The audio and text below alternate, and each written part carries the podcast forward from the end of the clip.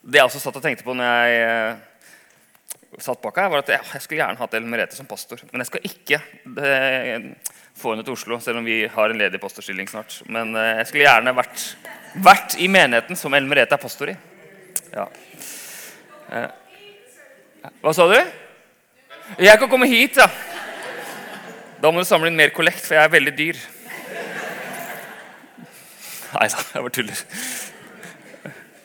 Eh, 'Hvem er han?' var tittelen som jeg fikk. Eh, og, eh, og, og, jeg har hørt Ellen Merete snakke om at Emmausvandringen har vært en tekst som har gått igjen. Og, og, det er en fantastisk tekst som jeg elsker. Og jeg har liksom, det virker som at jeg, eller Her om dagen så sa jeg til noen andre at det er den teksten jeg elsker mest. Det var en annen tekst, den som kommer neste søndag i kirkeåret. Men den her også er kanskje den teksten jeg også virkelig elsker. Men Jeg skal ikke gå så mye inn i teksten om Emmausvandringen. som Noen av dere har kanskje ikke hørt det heller, men Ellen Merete blant annet, har hatt noen prekener nå i januar-februar hvor hun har nevnt denne teksten om fra Lukas, eh, slutten av Lukas eh, kapittel, eh, eller Lukas eh, evangelium, eh, hvor disse to disiplene har vært sammen med Jesus i Jerusalem. Det er to av de andre disiplene, ikke de tolv. Og så går de ut fra Jerusalem. Jesus er død. Alt er, virker liksom håpløst. Og så er det en fantastisk tekst og en historie som noen kaller for en tekst som viser oss hele kristenlivet. Det er en slags 'Enhver kristens vei' er teksten om Emmaus-vandrerne. Hvor det er mismot, skuffelse, tvil. Det er risiko i teksten. Det er tolkning av Bibelen. Det er tider for dyp tro. Det er fellesskap. Det er Jesu tilstedeværelse i måltidet. Det er utrolig beundring. Det er glede over å dele nyheten om den oppstandende. Altså, det er så mye i denne teksten. Det er et bilde som jeg ofte tenker på når jeg tenker på denne teksten. Det er eh, dette ikonet som kalles vennskapsikonet. Og, eh, som angivelig skal være vise Abed Mena, som levde på 300-tallet. Egypter, en kamelkusk i den romerske hæren. Som deserterer fordi han kommer til tro og begynner å følge Jesus. og og får en samvittighetskrise. Jeg kan ikke både være soldat og en etterfølger av Jesus. og Han deserterer eh, og eh, leder, lider martyrdøden pga. sin eh, tro og overbevisning. Men selv om, Jesus, selv om Abed Mena lever 300 år etter Jesus i, denne, i den reelle historien, så ser vi på dette bildet så ser vi at Jesus da med Bibelen på sida her han har hånda si over skuldra til Abed Mena. Og Vi tenker på ordene hvor Jesus sier 'Jeg kaller dere venner'. Jesus som går ved, siden av Abed Mena og holder hendene på skuldra hans. Og Jeg vet ikke om det er sånn du opplever livet med Jesus om dagen. At Jesus han nå går tett ved siden av meg, og så holder han hånda si på skuldra mi. Er det ord som du ville brukt? Er liksom dette bildet det bildet du har av hvem Jesus er? Om dagen. Eller kanskje du ville sagt jeg kjenner absolutt ingenting. Jesus er bare helt fjern. Eller troa mi er statisk. Eh, den går på sånn helt sånn jevn, eh, jevn eh, strek. Eller kanskje du tenker at Gud er som sagt fraværende. Eller kanskje du opplever at troa er kjempespennende om dagen. Og det bobler, og du lærer nye ting, og, og troa di er økende, eller hva man skal si. Eh, men jeg skal bare si noen ord om Emmaus-vandringen før jeg går over til en annen tekst som jeg har lyst til å snakke mer om. Eh, fordi Abed Mena opplevde kanskje slik at Jesus gikk ved siden av han og holdt hånda på skuldra hans. Men hvis du hadde kommet og spurt disse to disiplene i Emmaus-historien, de som var på vei ut fra Jerusalem, Kleopas og den andre, eh, så står det at de var bedrøvet. Eh, de var knust, de hadde sett sin frelser, han de hadde store forventninger til, dø på et kors. Han hadde ikke engang sagt et ord, han hadde ikke gjort motstand. Og så må de være utrolig liksom, Hva var det som skjedde nå? Vi hadde jo, Han rei jo inn i Jerusalem på et eseldog for å vise fingeren til makta. og, og liksom Vi var, vi, vi kasta ned palmegreiner, og vi sang lovsang. og vi, og vi så han, eh, Det var liksom Nå skjer det, og så ender han med å dø som en eh, som et slakta lam på en, på en, pinne, og han sa ikke engang et ord. Så går de ut fra Jerusalem. og Hvis man hadde liksom hatt en sånn sportsreporter som kom opp på sida av dem og spurte hva, hva, hva føler dere nå, hva føler du nå, så ville de sagt altså, eh, altså De er som sagt knust, bedrøva, håpløshet, tvil kanskje. Og Hvis man hadde da spurt dem ja, hvordan er livet med Jesus om dagen, til disse to, så ville de sagt Jesus nei, han, han er død. Altså, Det er forbi. Det er fortid. Eh, og så ville de kanskje lengta tilbake til sånn det var før Jerusalem. Da de var i denne disippelgjengen, utvida disippelgjengen rundt Jesus. Da de erfarte Jesus så nærværende, så spennende. De lengta tilbake til sånn det var før. Og på samme måte som disse, disiplene, disse to disiplene på veien til, ut til Emmaus kunne fortalt, fortalt sin historie som en troshistorie, som vi om i går, dere som var på kroppsseminaret, så tror jeg også vi har våre egne kroppsfortellinger. Men hvis man hadde fortalt sin trosfortelling, så ville de fortalt jo vi, vi møtte Jesus der, vi begynte å følge ham, og så skjedde Jerusalem, og nå er det slutt. Um, og så har vi våre historier her. Vi kommer inn i dette rommet, og noen av oss er kanskje helt på, på begynnelsen av en vei sammen med Jesus. Eller noen har gått med Jesus lenge, trodd på han lenge. Eh, og så er det kanskje noen av oss som ville sagt ja, men Jesus, det var før. Altså, det var, det var, en gang Jesus, og nå er det liksom bare en eller annen eh, Nå gjør jeg det bare fordi at jeg, nå går jeg i kirka fordi kona vil det, eller jeg burde gjøre det, eller fordi jeg er forelska i noen som går her. eller hva Det måtte være. Det er veldig fint, da, for øvrig. Eh, håper du lykkes. Eh, hvis du er singel, for øvrig. ja. Eh, nei, sorry, det var en veldig eh, dårlig vits. Men eh, hvor var jeg? Jo Så hvis du forteller din historie, så vil du liksom si at ja, men Jesus, det var før. Før Jerusalem så kan man oppleve sånne Jerusalem-kriser i livet. Det kan være at man mister noen. Livet ble ikke som man hadde tenkt. Man kommer inn i perioder av dyp tvil. Så tenker man jeg må tilbake igjen til sånn det var før. Jeg må finne ut sånn det var. Jeg må tilbake igjen til da jeg var ungdom, eller da jeg gikk på bibelskole, eller da jeg var skikkelig engasjert. Men så kommer dette fantastiske verset i denne teksten, som jeg egentlig ikke skal snakke om. Altså, jeg skal egentlig snakke om en annen tekst, men, men det står mens de nå snakket sammen og drøftet dette, kom Jesus selv og slo følge med dem. Jesus selv kom og slo følge med dem der de går på den veien og er bedrøva, fortvila, lengter tilbake til sånn det var før, skjønner ikke helt hva som har skjedd. Så kommer Jesus selv og slo følge med dem. Og Jeg har alltid lurt på hvordan var det Jesus kom og slo følge med dem. Dukka han plutselig opp? At han liksom bare bam, plutselig så var de tre? Eller kom han løpende bakfra. Så, 'Hei, gutta!' Og så bare løp han etter dem og sier, 'Vent, da, jeg kommer!'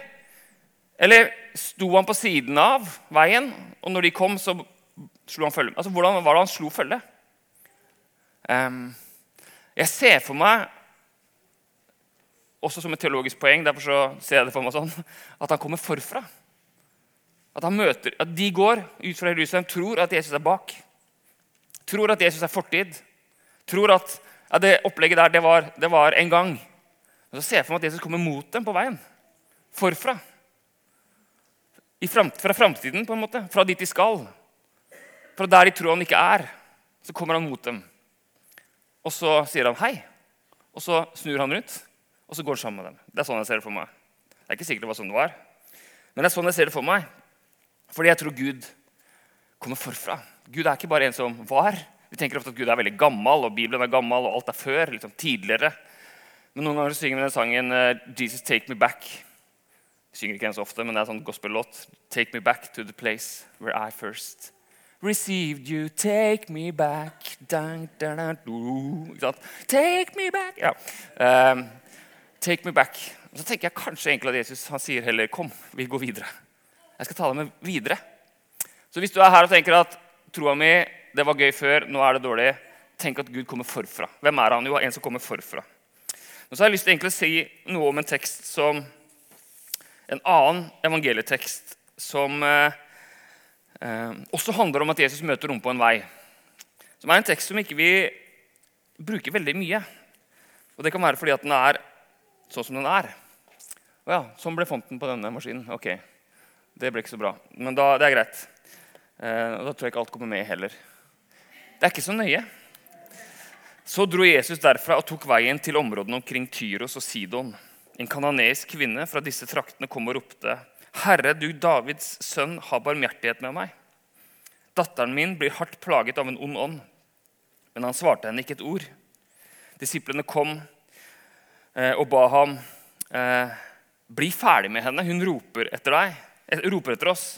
Men han svarte, jeg er ikke sendt til andre enn de bortkomne sauene i Israels hus. Da kom hun og kastet seg ned for han og sa, Herre, hjelp meg. Han svarte, det er ikke rett å ta brødet fra barna og gi det til hundene. Det er sant, herre, sa kvinnen, men hundene spiser jo smulene som faller fra bordet hos eierne, eierne deres. Da sa Jesus til henne, kvinne, din tro er stor. Det skal bli som du vil. Og datteren ble frisk fra samme stund. Altså, det er jo en tekst, Hvis man virkelig bare leser den teksten og setter seg litt inn i den, så bare tenker man hva i all verden er det som skjer her? Jesus, hva er det du holder på med i den teksten? Og I dag så er det første søndag i faste. og Ellen Merete sa noe om det forrige søndag, om faste. Og Det er jo litt ulikt kanskje fra hvilken tradisjon man kommer fra, om det er en kjent eller ukjent greie, men det er noe Kirken har gjort gjennom hele sin historie. I hvert fall veldig mye. Eh, og Fastetiden fram mot påske er en sånn tid for selvransakelse. Dette er en typisk fastetekst. En, en, tid hvor man stopper litt opp, og man ser korset der framme i påsken. Vi vet at korset kommer. Vi vet jo det, for vi lever jo etter Jesus. Disiplene visste det jo ikke, men vi vet at korset kommer på langfredag. Og så vet vi at der kan vi legge fra oss alt det vi trenger å legge fra oss. Der dør Jesus for all verdens synd og for vår. Alle, han overvinner alle dødskreftene vi kan kjenne på. Og, kan, og så kan vi liksom bruke fastetiden til å tenke på okay, hva er det jeg trenger å ta med meg til korset. Hva, hvilke makter og krefter og synd og greier er det som holder meg fra meg selv og, hold, og gjør, skaper avstand til de rundt meg, og som gjør at Gud oppleves langt borte. Så kan vi gjennom fastetiden reflektere, stoppe opp, bruke tid i stillhet mer enn vanlig kanskje. Eh, og, og, tenke ikke hva er, det, hva er det jeg trenger å komme til korset med. Og Fastetid er jo ikke tid for å komme nærmere Gud. fordi Gud kan egentlig ikke komme nærmere. Gud er overalt og hos alle. Jeg tror Gud er, Jesus er her. Han er i våre hjerter, de som tror på han, så han kan, Gud kan ikke komme nærmere. Men fastetid kan være en tid for å ok, Hva er det som egentlig pågår i mitt liv? Hva skjer i mitt liv om dagen? Og Hva er det som drar meg ut i periferien og ut i avstand? Og hva er det som skaper eh, eh, spenninger mellom meg og min neste osv.? Så, så, så går vi på veien som disse disiplene gjorde etter påske, på vei mot korset. Og så vet vi at bak korset så kommer oppstandelsen. Eh, nytt liv, nytt håp, nye muligheter. Så faste er en sånn tid for inn mot korset. liksom. Hva, er det, hva, er det, jeg trenger å komme til Jerusalem med? Um, og når du stopper opp, hvis du stopper opp i fastetiden og tenker at du, nå skal jeg prøve å kjenne etter hva er det som preger livet mitt litt for mye, så kanskje man faster fra det. Folk faster fra alt mulig. Jeg leste med en som faster fra tall om dagen. Det er så mye tall, sa han. Alt er tall. Det er body battery, og det er eh, priser, og det er alle, Du kan få apper for alle mulige slags målinger. Altså, jeg skal faste fra å se på tall. Det er en, og jeg var sånn, Oi, det er faktisk en ganske spennende. Jeg ser, 1313, jeg har prekt den 1315, har jeg prekt 1317. Altså, sånn, det er tall overalt. Eh, hvordan faste fra tall? Eller faste fra eh, å legge seg seint eller faste fra mat, en viss type mat eller en type underholdning eller skjerm osv. Men ikke for å komme nærmere Gud, fordi Gud, Gud er nær. Men for å komme nærmere seg sjøl, kanskje.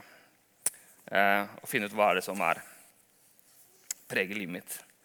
Men når vi gjør det, faster, når vi stopper opp, når vi øver oss på å være stille, som kan være, være utrolig utfordrende Bare prøve å være stille en halvtime og ikke gjøre noen ting. Så kjenner man ok, jeg har noen kamper i livet mitt. Det er noen greier som pågår. Og Det er derfor vi kanskje ikke er så mye stille. Derfor vi alltid har noe på øret for å liksom slippe å ta stilling til det. Når man kommer på, kanskje på at dette her er en kamp i mitt liv, en avhengighet, en sykdom Det kan være at man liksom kjenner, det, kjenner sånn tyngde hvis man er mor eller far for barna sine, eller selvbilde eller forhold til kroppen, som vi om i går. Og så har du bedt for disse tingene. Det er ikke det at ikke du har bedt, du har bedt masse. Men så er det akkurat som at himmelen er taus, og du banker på døra fordi det står at man skal gjøre at hvis du banker på døra, så skal det lukkes opp, men du har banka så mye. Og etter hvert så føles det mer som at du banker hodet mot en vegg. Mer enn hånda mot en dør. Så fins denne historien her, sånne historier som dette, som jeg har lest fra Matteus 15.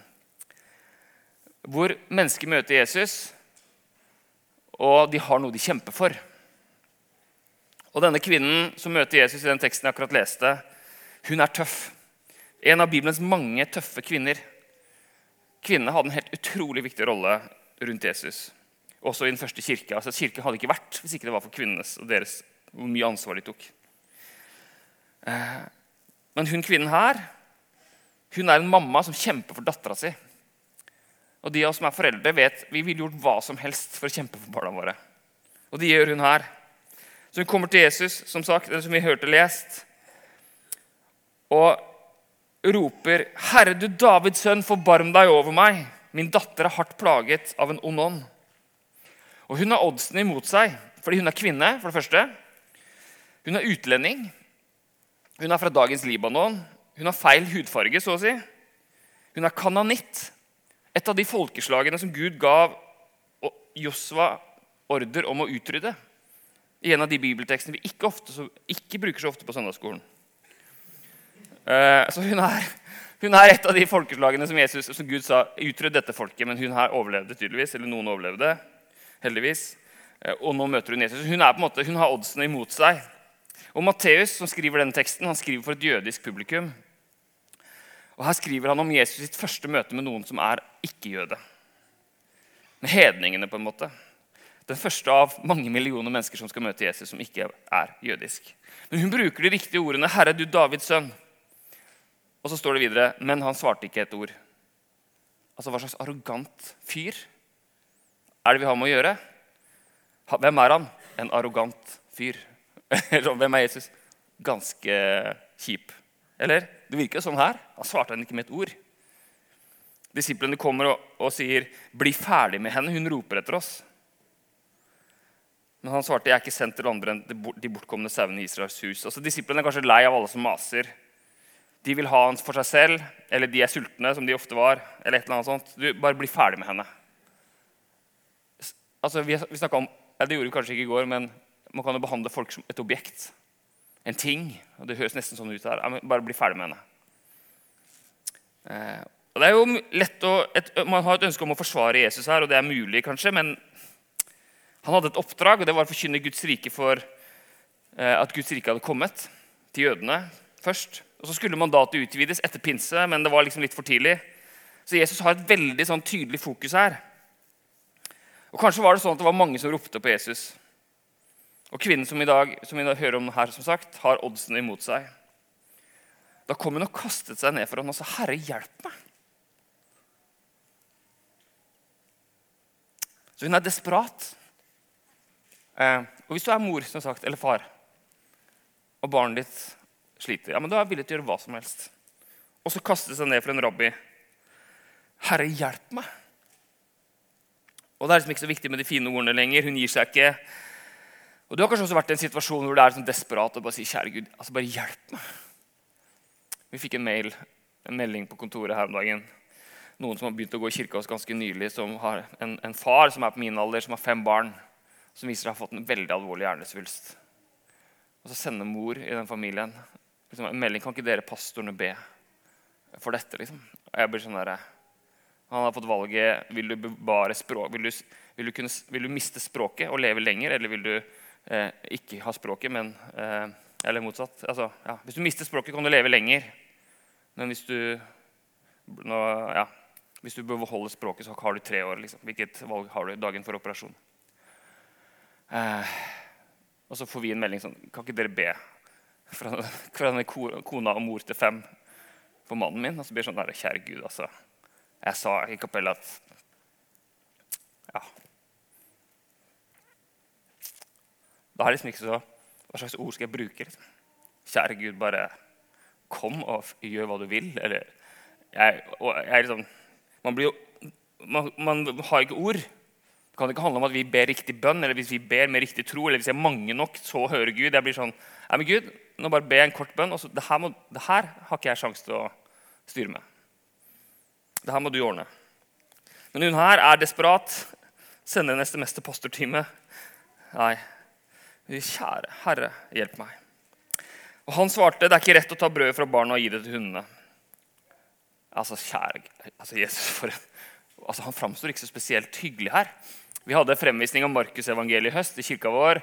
og Vi leste hele Markusevangeliet og spilte det ut samtidig. og Noen av de skuespillerne som var med, var ikke troende. og, og først, Hvis du leser hele Markusevangeliet i sammenheng, så framstår Jesus han ganske kjip, for å være ærlig. Det er sånn, Han er ganske hard, brutal i mange møter. Og her også I denne Matteus-teksten så er han ganske sånn grumpy. Hundene. Det er ikke rett å ta brødet fra barna og gi det til hundene. Kaller han en utlending for hund her? Igjen, Man får lyst til å unnskylde Jesus, og jeg kjenner jo mer sympati med kvinnen enn med Jesus. Hvem er Jesus her?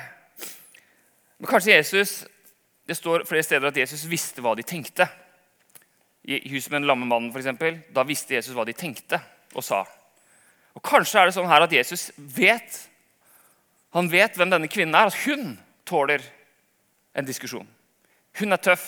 Hun trenger at jeg utfordrer henne. Kanskje han skjønner at hun her er ikke noe aspeløv. Så han, han, han, eh, han, er, han er ganske tøff. Men så sier hun det er sant, kvinne, eh, sa kvinnen, men hundene spiser jo smulene som faller fra bordet hos eierne deres. Så kvinnen tar utfordringen, svarer kontant. Om du er så bra som ryktet ditt sier, så bør du kunne hjelpe meg. Om Guds plan for frelse er så stort, så bør den også gjelde oss på andre siden av grensen. Jeg vet jeg er uverdig, men er vi ikke alle uverdige? Altså hun, hun liksom kan se for deg at, Jesus, at hun bare begynner å argumentere med selveste Jesus.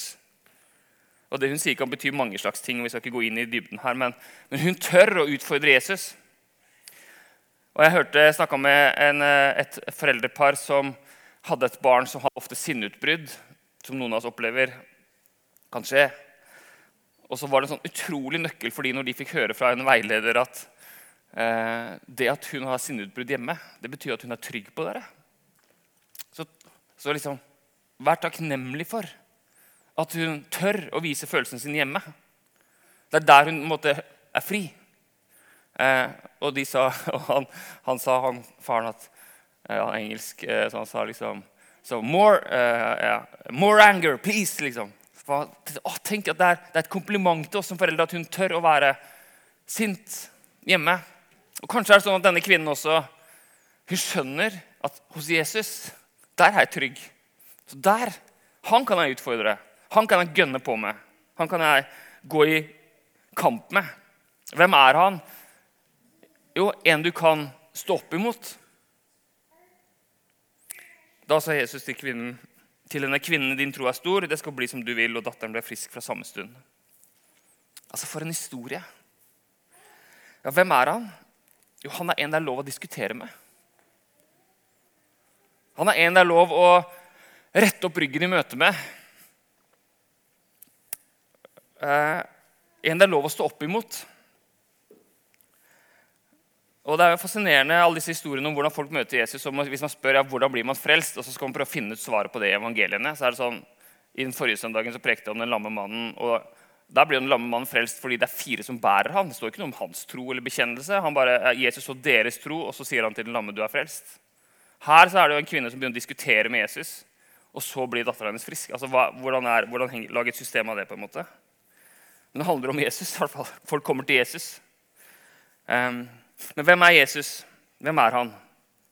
Jo, det er en du har lov til å møte og liksom utfordre.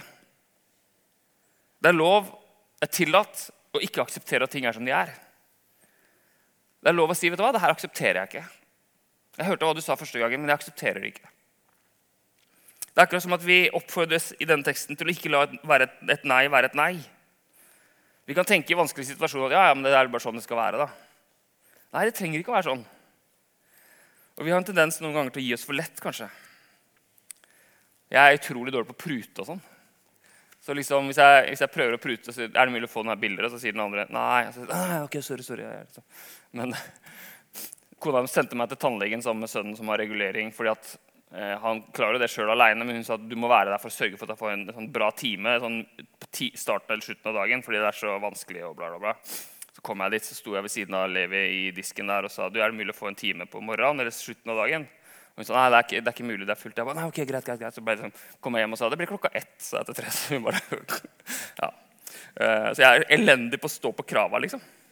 Men hadde hun vært der, kona mi, så hadde hun bare nei, nei, men det aksepterer jeg ikke. Jeg kjemper for min sønn her, vi må ha det klokka ni, ellers så ødelegges hele skoledagen. Bla, bla, bla. Ikke sant? Men denne teksten her, det er lov å prute, det er lov å kjempe imot. det er lov å si det der, jeg skjønner jeg ikke. Jeg synes det er jeg uenig i. Kvinnen hadde en datter som var besatt, og hun kjempa for dattera si. Og jeg vet ikke hva som er din kamp. Hva det er du vil komme til Jesus med. Hva du, hva du strever med. Og hvis du blir stille nå i fastetiden, så kjenner du kanskje at det her er vanskelig.